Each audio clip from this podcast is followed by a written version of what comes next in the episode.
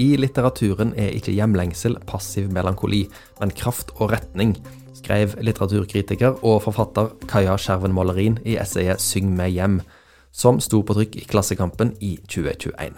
Hun holdt åpningsforedraget på Kapittelfestivalen om hjem som drivkraft og litterært motiv. Um, noen få uker etter freden i Versailles etter første verdenskrig dro Harry Martinsson til sjøs, bare 15 år gammel, ut på havet som lå der like blått og veldig som før den store krigen.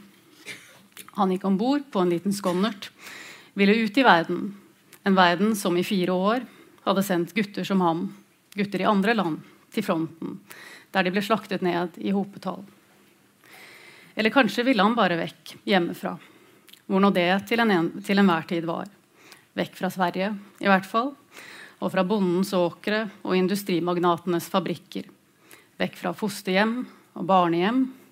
Dette livet som hadde vært hans i årene etter at faren døde av tuberkulose i 1910, og moren forlot ham og dro til Amerika i 1911. I nesten ti år reiste han rundt på havet så skrev han en diktsamling, 'Spøkskjepp', som kom i 1929. Og en til, 'Nomad', som kom i 1931. Som ble hans store gjennombrudd som forfatter. Deretter kom boka jeg har lyst til å starte med å fortelle litt om her. 'Reiser uten mål', som kom i 1932, og oppfølgeren 'Kapp farvel', som kom i 1933. Begge selvbiografiske, men også antar jeg ispedd skrøner og enkelte feilerindringer. Det handler tross alt om sjømannshistorier. La oss møtes i en atlanterhavsskodde, som det står et sted i boken. Og jeg skal fortelle deg om havet. Sist jeg leste 'Reiser uten mål', var jeg selv på reise. Jeg, vi, hadde tilbrakt en liten uke i Pablo Nerudas Valparaiso og så dratt videre til Påskeøya verdens ensomste boplass, ifølge Thor Heyerdahl. Um, han skriver om øya at nærmeste faste punkt beboerne kan se, er på himmelhvelvet, månen og planetene. Det var jul da vi var der, og da jeg lå i neonlyset på et hotellrom en natt og utmattet teltekakerlakker, sto det nokså klart for meg. Jeg er ingen eventyrer. Reiser uten mål tenker jeg likevel på med ømhet. Det er en bok om hvordan aksle savn. Bære det, romme det, slippe det. Som når den unge Martinsson en morgen står på dekk og lengter etter sin barndoms jul, og samtidig er der han er, i elementene og med hele sitt sanseapparat. Som han et sted skriver juledags morgen kommer med svær sjø og 15 albatrosser. Jeg teller dem. Det er vår juls engler.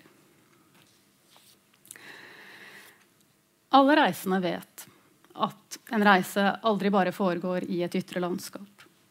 Du trenger ikke engang være en langveisfarende som Martinsson for å vite det. Du kan f.eks. rusle fra Heggeliseter til Mattisplassen i Nordmarka, fra Fyllingen gård til Sandungen, eller sitte på en holme i indre Oslofjord, som er mitt landskap, eller ved Roaldsøy eller Ormøy, for å velge et sted nærmere oss i dag. Bare det å være hjemmefra gir en annen indre geografi. Du tenker andre tanker, har plass til andre følelser og forbinder siden et sted med et minne som plutselig åpenbarte seg, og et annet sted med en stor kjærlighetssorg som uventet slapp taket. Reiser uten mål åpner med en refleksjon over det Martinsson kaller sjelens selvpåførte fangenskap. Sjelen, skriver Martinsson, er som stoppeknoppen i enden av et taljerep. Den tjorer seg fast. Den vil slå rot, være bofast. Jeg har alltid innbilt meg at det var omvendt.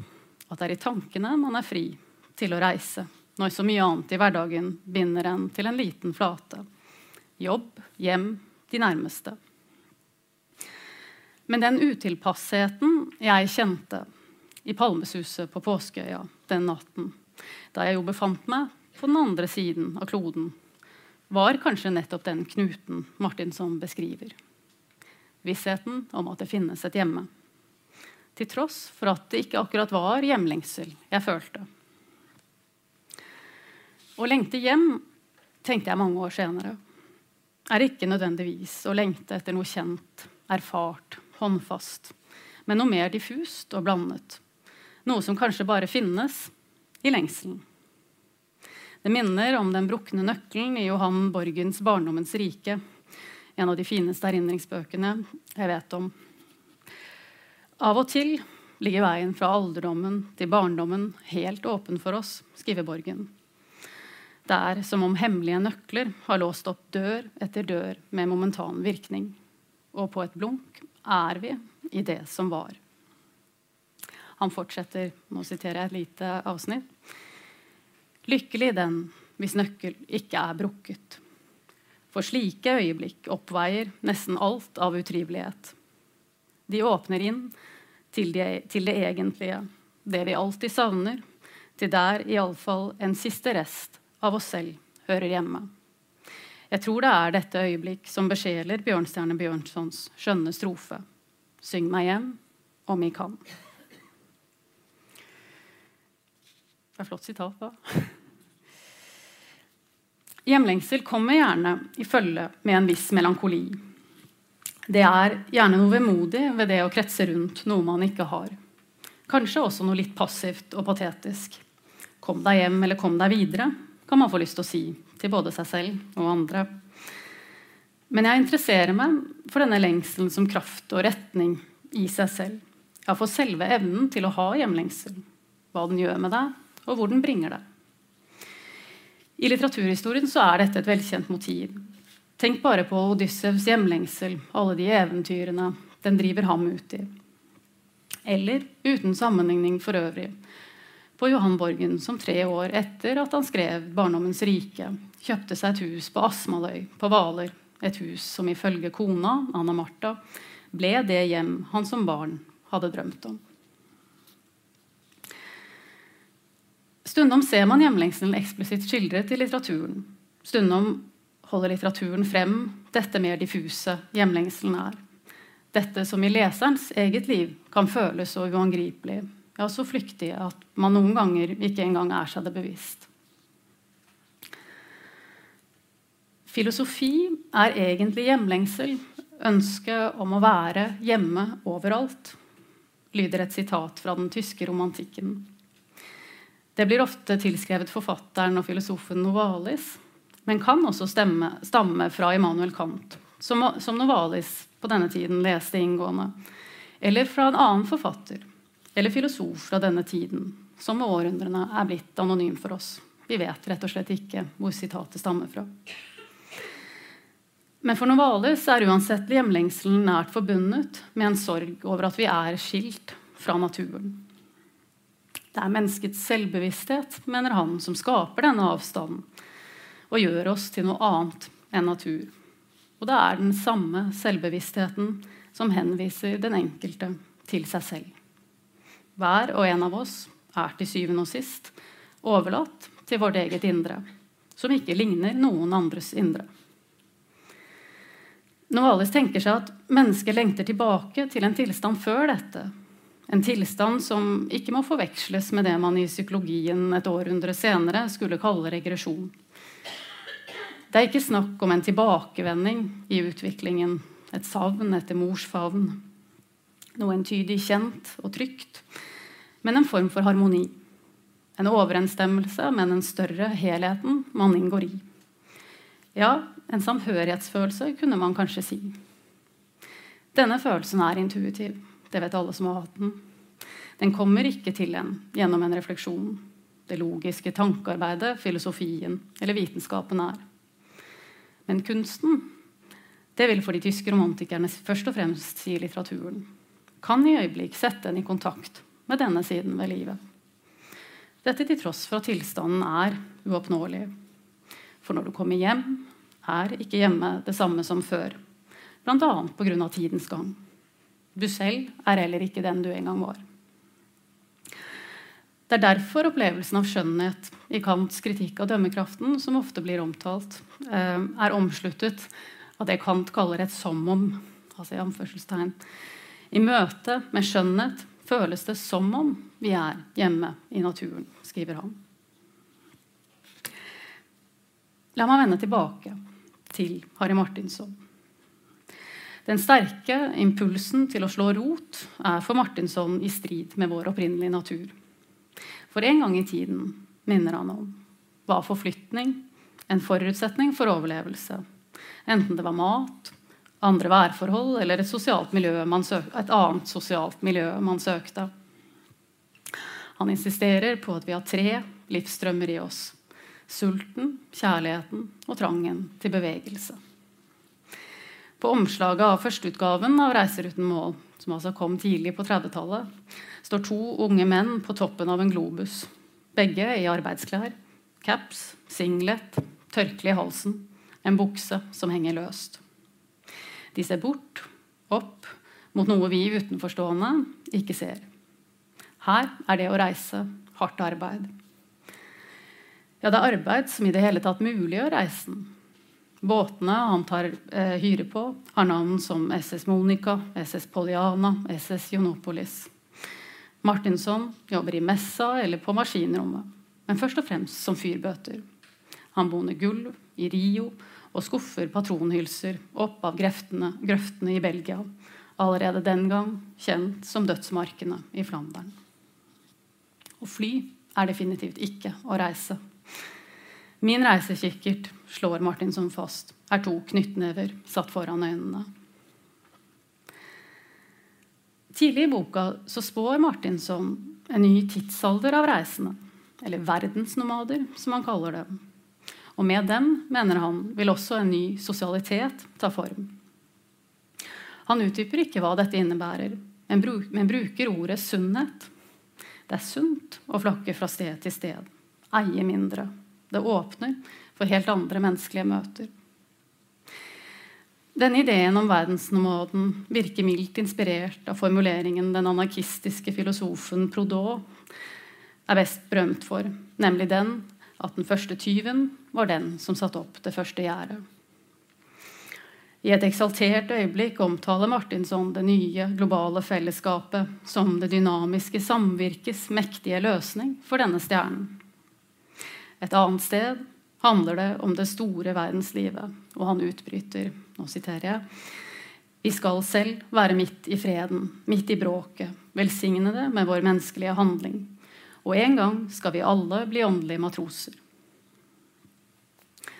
Vrengebildet av denne visjonen kunne vi nå si mange tiår senere er utbyttingen som har fulgt med de siste tiårenes globalisering. Etter mitt syn så eh, er kanskje ikke de vidløftige resonnementene Martinssons aller sterkeste side, først og fremst fordi de konkrete realitetene ofte forsvinner. F.eks. i romantiseringen av de russiske kollektivjordbrukene, som var organisert slik at arbeiderne ikke hadde noe hjem, men måtte stadig flytte på seg. Antagelig så følte de seg neppe som verdensnomader av den grunn. Men til tross for de sterke fremtidsvyene er Martinsson en nostalgisk reisende. Han er ingen modernitetskritiker, men han er skeptisk til en overdreven tro på det såkalte fremskrittet. Han foretrekker den gamle engelske sjøkulturen fremfor den nye amerikanske, og syns det holder fint å pakke den gamle skipssekken. Hva skal man med en koffert? Ordet nostalgi, som jeg har lyst til å bare si litt om, siden jeg nå nettopp kalte ham for en nostalgisk reisende Dette ordet nostalgi er avledet av det greske ordet for nettopp hjemreise. Nostos er det greske ordet. Og det greske ordet for smerte. Algos. Nostalgi er forbundet med noe som er tapt, noe som ikke kan gjenskapes eller gjenfinnes.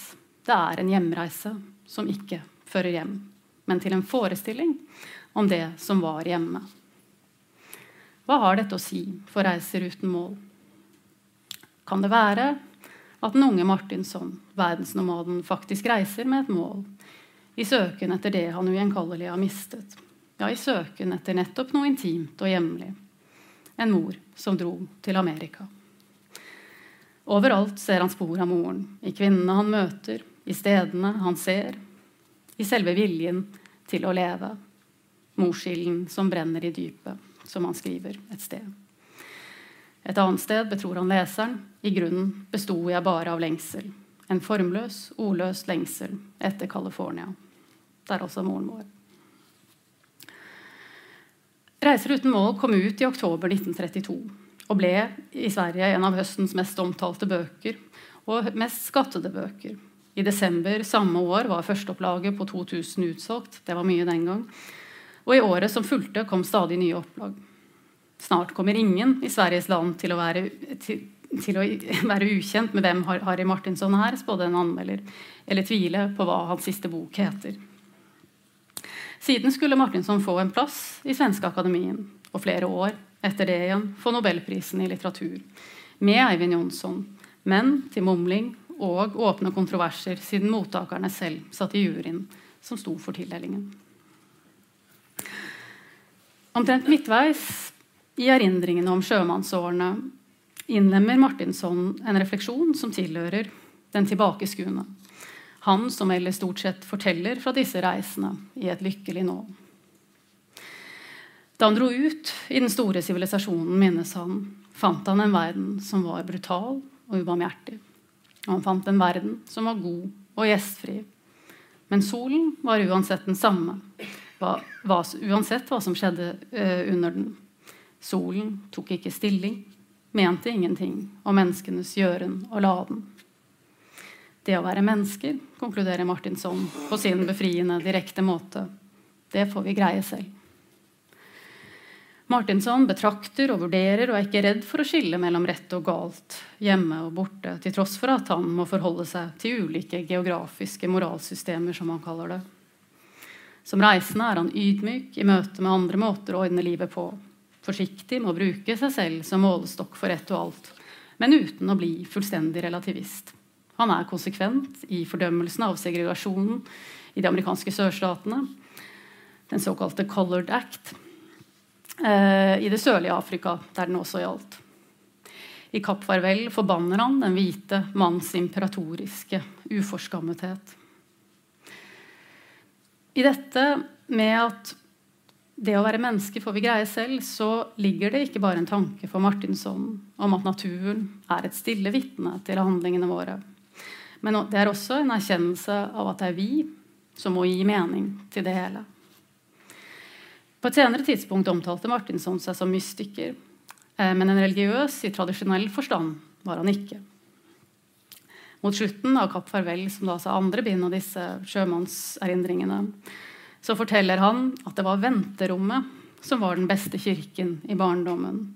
Det var her, på de ulike bussholdeplassene i Ebbeboda, Gylsboda, Vilsult, Imlen og Holje, han kom nærmest saligheten. Han skriver for øvrig også om dette i de senere erindringsverk.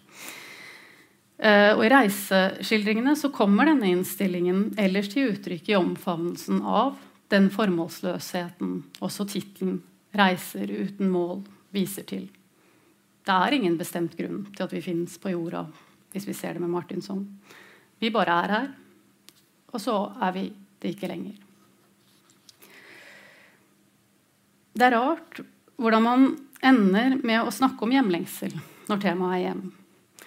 For ikke å snakke om hjemløshet, som også hører med i den tematiske klyngen. Det er som om disse tre temaene, hjem, hjemlengsel og hjemløshet, er uløselig forbundet med hverandre. Dette gjelder ikke minst i essay- og memoarsjangeren som vi godt kan plassere Ari Martinssons 'Reiser uten mål' i. Jeg har ikke tall ellers på alle essayistene som ved essayets begynnelse eller reiseskildringens begynnelse drar hjemmefra, og ved tekstens slutt kommer hjem som en annen. Et av essayets fremste kjennetegn, og dette gjelder også for reiseskildringene og memoarer, ofte også, er den springende formen. Fornøyelig skildret av det moderne essayets far, Michel de Montaigne, i et essay som heter 'Om forfengelighet'. Her skriver han at det er den uoppmerksomme leser som taper tråden, ikke jeg. Det vil alltid dukke opp et ord i et hjørne som er helt tilstrekkelig, selv om det ikke tar stor plass. Hemningsløst og uten tanke for orden søker jeg variasjon. Min stil er like slentrende som min tanke. I mange tilfeller i essayets historie så er denne mentale forflytningen kombinert med konkret forflytning. Og altså ja, ofte gjerne med hjemmet som utgangspunkt.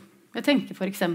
på et av Virginia Woolfs mest kjente essays, det som på norsk har fått tittelen 'Gatestreif på eventyr i London', der den skrivende, som vi må formode er Woolf selv, i timene før middag driver rundt i bygatene, i skumringslyset, angivelig på jakt etter en blyant. Ved tekstens slutt er hun tilbake i hjemmets lurende rede. Wolf skriver, og nå siterer jeg fra Merete Alfsens fine oversettelse Å slippe bort er den største glede man kan ha. Å streife gatelangs om vinteren er det mest spennende man kan foreta seg. Men når vi nærmer oss vår egen gatedør igjen, er det trygt og godt å føle at de gamle tingene, de gamle fordommene, igjen omslutter oss. Og at jeget, som har blåst for alle vinder på så mange gatehjørner, som har virret som en møll mot lyset fra så mange uoppnåelige lykter, er skjermet og omegnet. Her er den vante døren igjen. Her er stolen, vendt slik vi gikk fra den, og porselensskålen og den brune flekken på teppet. Og her La oss undersøke det varsomt. La oss berøre den med andakt, er det eneste byttet vi bringer hjem fra vår skattejakt i byen. En blyant. En blyant kan leseren tenke som selvfølgelig skal brukes til å skrive med.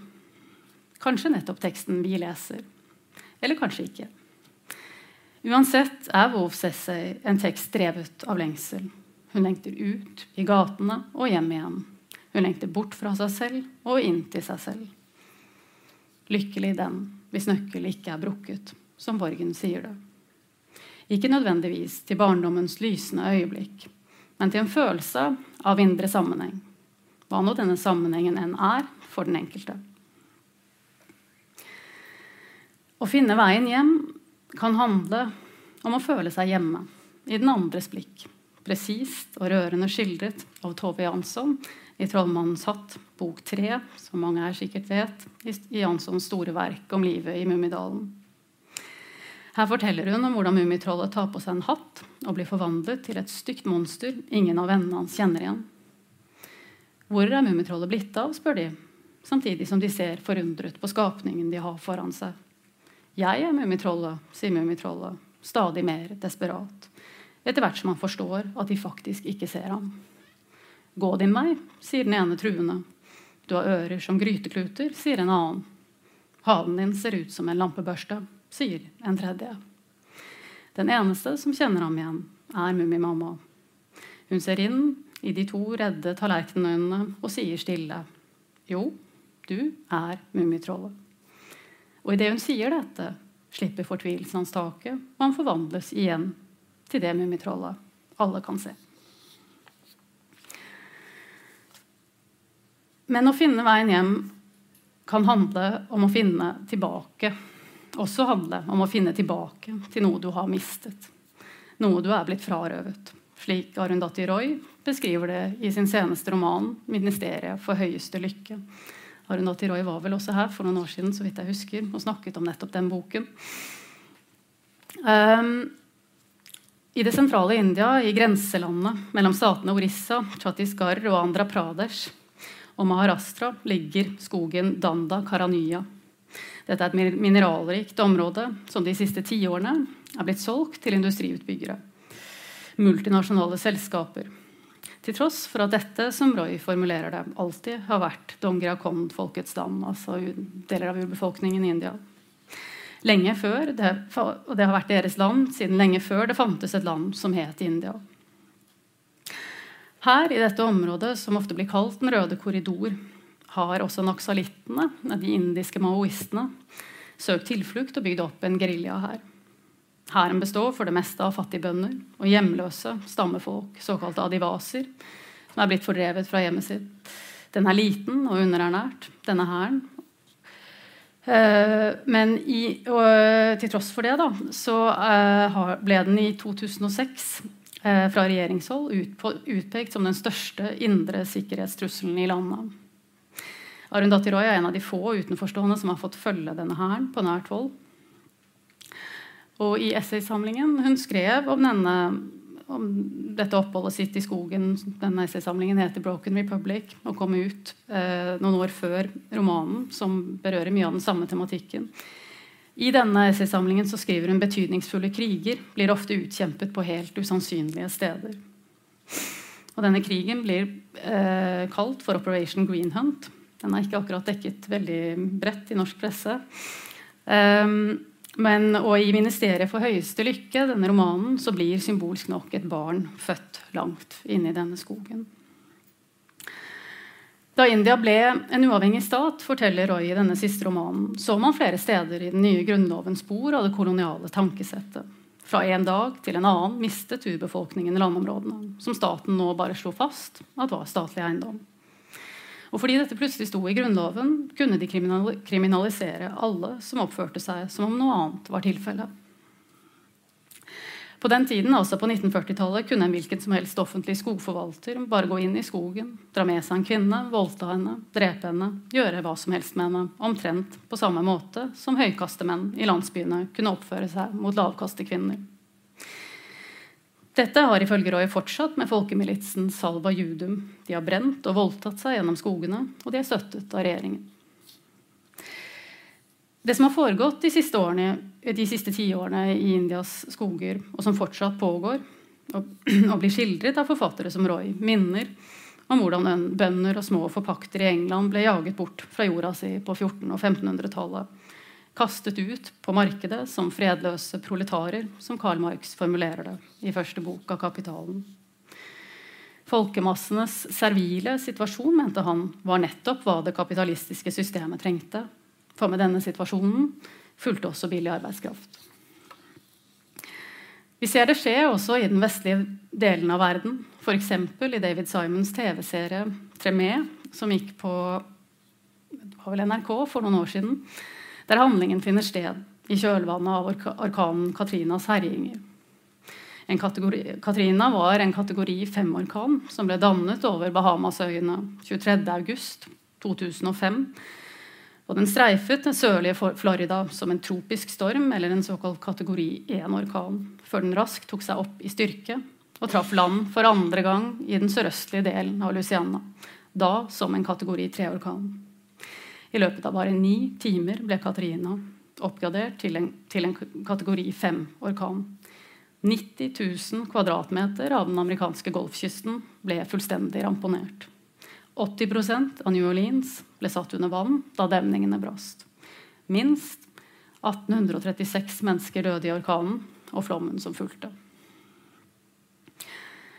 For manusforfatterne av denne serien Tremé er det avgjørende å få frem at flommen i New Orleans var en forventet og menneskeskapt katastrofe. Tremé skildrer et raseri over at her i USA har man penger til å sette folk på månen og føre kriger i alle verdens hjørner. Men å bygge demninger som beskytter egen befolkning og hjemmene deres, og som tåler en orkan, det har man angivelig aldri hatt midler til. Ikke i 1927, da flommen i New Orleans-området skapte det som lenge er blitt regnet som den største naturkatastrofen i USAs historie. Ikke i 1965, da orkanen Betzy herjet, og altså heller ikke i 2005. Prioriteringene handler åpenbart om rase og klasse Tremé vil banke inn i oss at de som igjen og igjen blir hardest rammet, er de menneskene som bor i de fattigste og mest flomutsatte områdene. I bydelen Lower Ninth Ward, eh, en bydel som ble mer eller mindre jevnet med jorden, levde 40% under fattigdomsgrensen. Og 97% av befolkningen var afroamerikansk. Flommen skapte også en ny diaspora. Det er nesten ikke til å tro, men da folk som hadde mistet hjemmene sine, absolutt alt de eide, til slutt ble evakuert, ga man dem enveisbilletter og sendte dem av gårde hver for seg til helt vilkårlige steder rundt om i landet. Familier ble skilt fra hverandre, mobilnettet var nede, informasjon umulig å oppdrive. Manusforfatterne overdriver ikke når de lar en mor, en mor gå i flere måneder uten å vite om sønnen er i live eller ikke. New Orleans etter flommen gir oss et tydelig bilde av hvordan en usosial boligpolitikk og byutvikling kan arte seg. Her er eksempelverdien stor. Det er et generelt problem at byen i stadig større grad, blir et sted de færreste har råd til å bo i. Fremtidens by er storkapitalens by. I New Orleans tok opprydningsarbeidet ufattelig lang tid. Et halvt år etter flommen var store deler av byen fortsatt et katastrofeområde. I Tremé vil folk hjem, men har ingen steder å komme til. Forsikringsoppgjørene lar vente på seg, hvis de i det hele tatt kommer. Kommunale boligblokker blir stående stengt, samtidig som man åpner døra på vid gap for utbyggere og eiendomsspekulanter. Tanken, forstår man, er at jo, så klart skal vi bygge opp New Orleans igjen som en rik og hvit by. Når det gjelder temaet hjem og hjemlengsel og hjemløshet, er i det hele tatt samtidslitteraturen og litteraturhistorien så rik på eksempler at det er vanskelig å begrense seg. Men la meg nå prøve å gå inn for landing med et siste eksempel. For å finne veien hjem kan i litteraturen også bety å finne veien til seg selv. Ikke nødvendigvis på en harmonisk måte, men i betydningen å bli sin egen fortrolige. Den amerikanske kritikeren og essayisten Vivian Gornick er for meg blant dem som viser hvordan en slik prosess kan arte seg. Hun er dessuten en skrivende som går til og fra hjemmet, hun også, og lar tanken utfolde seg i dette geografiske rommet. Omtrent midtveis i den boken som heter 'The Odd Woman and the City', eller 'Den odde kvinnen og byen', som den heter på norsk. Eh, ja, I bokens kjerne så forteller Gornick en historie om moren denne sammensatte skikkelsen, som noen sikkert husker fra den gripende boken som heter 'Heftig bånd'. Da hun var åtte år, minnes Gornik, skal moren ha klippet et hull i kjolen hennes, der, skulle, der den skulle ha dekket hjertet. Nærmest som en illustrasjon, forstår man, på hvordan hun så datteren. kommer et sitat fra boken. Du tar livet av meg, skal moren ha hulket. Jeg kommer til å falle død om. Du er så hjerteløs. I store deler av sitt voksne liv sørget Gornick over denne hendelsen, før hun plutselig en dag, og til sin store overraskelse, og min, må jeg innrømme, innså at hun hadde husket feil. Hvorfor hun kommer til denne erkjennelsen, og hva som faktisk skjedde den gang, forblir uvisst. Erindringsbøker handler påfallende ofte om glemsel. Men Gornick later ikke til å bry seg så mye om det vi er klar over at vi glemmer. Hun er opptatt av hvordan det man husker og vet, kan stå som en vegg mot annen viten. Nettopp fordi man tror man vet alt som er å vite. Så gammel, og fortsatt har jeg så lite informasjon, konstaterer Gornick, og forlater denne kjolehistorien. Men bildet fortsetter å virke i leseren. Hullet i kjolen, hullet i hjertet, hullet i erindringen. En av Gorniks mange kvaliteter er at hun skriver frem situasjoner som er proppfulle av betydning, og som samtidig forstår nokså ufortolket. Den eksistensielle åpenheten man så sterkt erfarer i møte med denne boken eller i dette universet, dette at i livet kan alt skje, har å gjøre med dette. I feilerindringen klipper moren bort noe, eller over noe. Hun tar vekk noe som før har vært der. Men hun gjør også noe synlig. Man ser jo rett inn i hjertet.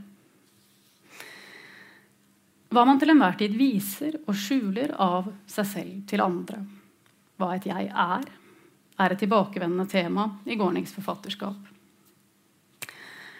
Den odde kvinnen og byen er en historie om storbyen, slik den blir erfart av en kvinne som aldri helt finner seg til rette i sitt eget liv.